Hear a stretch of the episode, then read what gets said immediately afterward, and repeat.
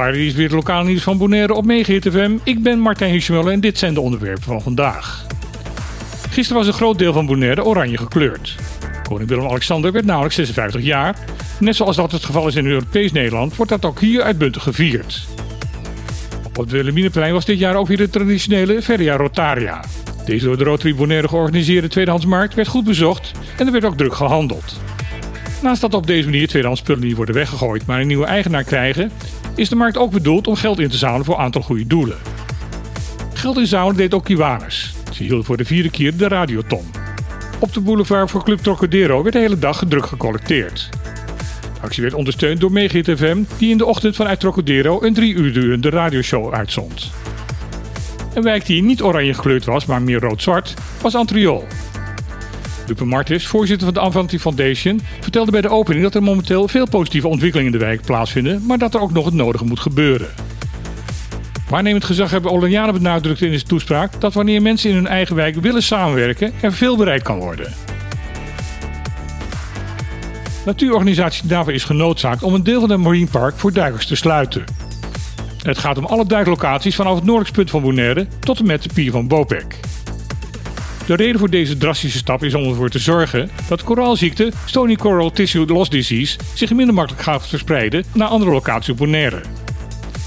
Deze gevreesde ziekte kan ervoor zorgen dat tot 80% van het koraal op een besmette plek afsterft. De constatering dat de ziekte nu ook Bonaire heeft bereikt is een rechtstreekse bedreiging voor de duikindustrie op het eiland. Momenteel wordt Bonaire gezien tot de top 3 van de duikbestemmingen in de wereld. Stinapa hoopt dat er begrip is voor deze harde maatregel en dat iedereen zich aan de voorschriften houdt om zo de verspreiding zoveel mogelijk tegen te houden. Greenpeace kan terugkijken op een succesvol bezoek van het schip Arctic Sunrise aan Bonaire. Zowel afgelopen zaterdag als gisteren hebben veel bewoners van Bonaire van de mogelijkheid gebruik gemaakt om het schip van binnen te bekijken en daarbij uitleg te krijgen wat Greenpeace in de komende tijd wil gaan doen. Ook politiek campagneleider van Greenpeace Arabella Boscher is tevreden. Ze was op Bonaire vanwege het bezoek van de boot en werd geïnterviewd door het Caribisch netwerk. Bos heeft de indruk dat de aankondiging dat Greenpeace een rechtszaak gaat aanspannen tegen de Nederlandse staat wel iets heeft losgemaakt bij de regering. Toch zal Greenpeace de rechtszaak wel gaan voeren, omdat men bij de organisatie vindt dat er meer actie nodig is om bijvoorbeeld het eiland van Bonaire beter te beschermen tegen de komende klimaatsveranderingen.